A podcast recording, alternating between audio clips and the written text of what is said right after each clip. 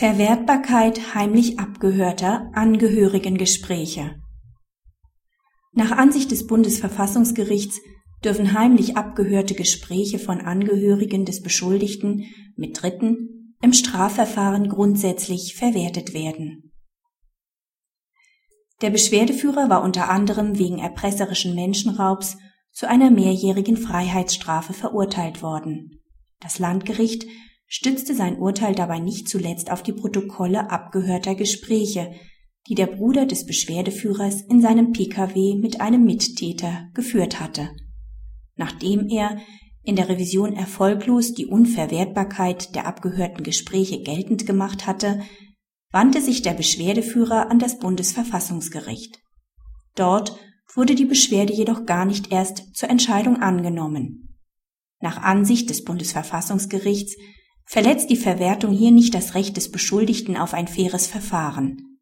Eine Verletzung dieses Rechts liege erst dann vor, wenn rechtsstaatlich zwingende Folgerungen nicht gezogen worden sind oder rechtsstaatlich Unverzichtbares preisgegeben wurde. Der Schutz des Angehörigenverhältnisses gehöre zwar in seinem Kernbestand zu den rechtsstaatlich unverzichtbaren Bestandteilen eines fairen Strafverfahrens, dieser Kernbestand sei im vorliegenden Fall aber nicht angetastet worden. Dies ergibt sich für das Bundesverfassungsgericht bereits daraus, dass keine Vernehmungssituation vorlag, die für den Angehörigen zu einer Konfliktsituation führen könnte. Es lag auch keine gezielte Umgehung einer Vernehmungssituation vor, die ebenfalls zu einer Verletzung des Rechts auf ein faires Verfahren hätte führen können. Denn es handelte sich hier lediglich um Zufallsergebnisse einer in einer anderen Sache angeordneten akustischen Überwachung. Die Annahme eines Verwertungsverbots war nach Ansicht des Bundesverfassungsgerichts auch nicht unter dem Gesichtspunkt des durch Artikel 1 Absatz 1 Grundgesetz absolut geschützten Kernbereichs vertraulicher Kommunikation geboten. Denn dieser zielt auf den Schutz der Vertraulichkeit des Gesprächs zwischen dem Beschuldigten und seinem Angehörigen. Er führt aber nicht zur Privilegierung von Gesprächen eines Angehörigen mit Dritten.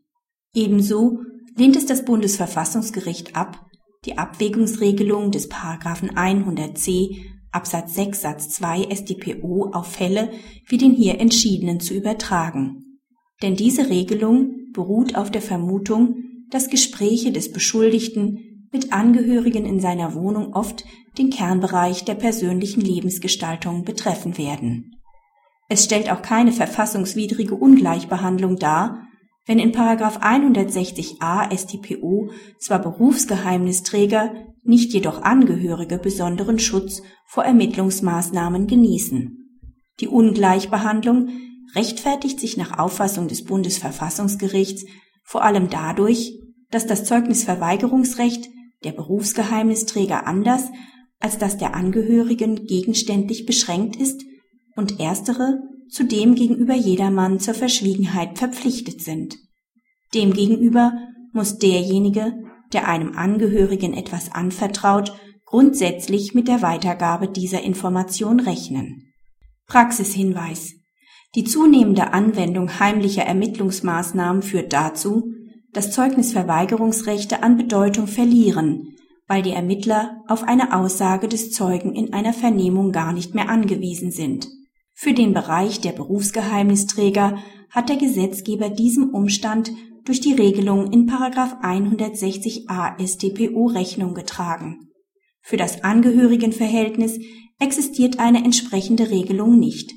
Eine Verteidigung gegen die Verwertung kann hier nur auf eine Verletzung des Kernbereichs der privaten Lebensgestaltung gestützt werden oder auf den Vorwurf, die Ermittlungsbehörden hätten die Maßnahmen gezielt zur Umgehung von Zeugnisverweigerungsrechten eingesetzt